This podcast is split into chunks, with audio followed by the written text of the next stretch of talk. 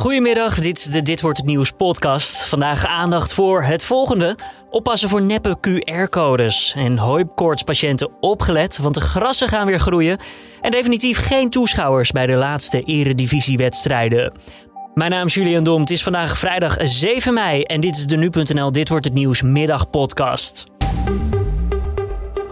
Pas op voor neppe QR-codes. Cybercriminelen proberen met valse QR-codes via e-mails en brieven bij je bankrekening te komen. Dat blijkt uit onderzoek van RTL Nieuws. Je hoort tech-redacteur Daniel Verlaan. We weten inmiddels nu wel dat we niet op een vreemd linkje moeten klikken in een mail. Maar als daar een QR-code staat, ja, dan scannen we die gewoon. Want dat zijn we inmiddels gewend. Ook mede door corona, omdat we heel vaak QR-codes moeten scannen om bijvoorbeeld op het terras een biertje te bestellen. En die neppe QR-codes zijn dus niet te herkennen, maar er is wel een tip. Als je hem scant, dan zie je vaak een pop-up op je telefoon met daarop het webadres waar je naartoe wordt geleid. En kijk altijd heel goed naar dat webadres. Is dat echt het webadres van bijvoorbeeld de bank? En als je daarover twijfelt, bel je bank op, want zij kunnen je altijd helpen. Ook bij de fraude helpdesk zien ze dat phishing met QR-codes de laatste tijd toeneemt. En slecht nieuws voor hooikoortspatiënten. Komende week komt het eerste gras namelijk tot bloei en dat zal te voelen zijn. De kans op klachten neemt dan namelijk toe volgens Wageningen University. De piekperiode van het graspollenseizoen zal waarschijnlijk halverwege juni tot begin juli zijn. Maar dat is nog wel afhankelijk van de temperatuur de komende weken. Door de relatief koude lente tot nu toe komt alles iets later dan normaal in groei. De GGD komt nog duizenden werknemers tekort om in juni te starten met een massale vaccinatie. Dat laat de koepelorganisatie weten aan de NOS. Zou gaan om zo'n 6000 werknemers die nog gezocht worden. Duizend daarvan moeten toezicht houden tijdens het prikken. En de rest moeten prikken straks daadwerkelijk ook zetten. De GGD start volgende week met een online wervingscampagne.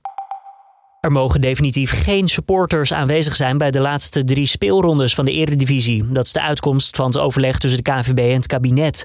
Zij lieten weten dat de juridische basis nog ontbreekt om met toegangstests publiek toe te laten bij de publieksevenementen. De KNVB zegt zwaar teleurgesteld te zijn.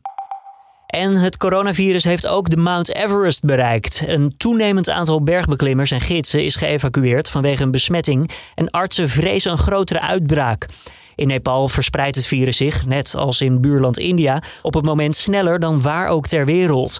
Volgens deze klimmer is het een vreemde gewaarwording in het Himalaya-gebergte. The uh, group they were inviting the other groups to having a good time before the climbing, of course. And then, but now I see like uh, many groups are putting some uh, line to not to cross. They said please do not cross for a COVID-19 situation. De regering ontkent trouwens dat er sprake is van een uitbraak in het basiskamp van Mount Everest en ze weigert te zeggen hoeveel klimmers precies geëvacueerd zijn. Dan nog het weer van Weerplaza. Veelal droog vandaag. De zon heeft zich eventjes laten zien. Het was zo'n 12 graden. Als we naar morgen kijken, dan regenachtig. Zondag gelukkig een stuk warmer met lokaal zelfs 25 graden. En de kans dat een Chinese ruimteraket schade aanricht als die de komende dagen neerstort op aarde is extreem klein, zegt China. Het gaat om een van de grootste objecten die de mens ooit heeft gemaakt die terugkomt in de atmosfeer. En ja, de Chinese autoriteiten hebben er geen controle meer over. De raket zal waarschijnlijk terugvallen op aarde, maar waar precies is onvoorspelbaar. Wel is duidelijk dat het gevaarte niet in Nederland terecht kan komen. Zuid-Europa zou wel mogelijk zijn, maar de kans is het grootst dat hij in het water valt. Omdat daar nu eenmaal veel van is op aarde. Zondagavond weten we het naar verwachting zeker. En dit is dan de Dit Wordt Het Nieuwsmiddag podcast van vrijdag 7 mei. Maandag zijn we er weer om 6 uur ochtends uiteraard. Collega Carne van der Brink die is er dan uh, vroeg in de ochtend met het nieuws van dan. Mijn naam is Julia Dom en ik wens je voor nu alvast een prachtig weekend toe. Tot de volgende.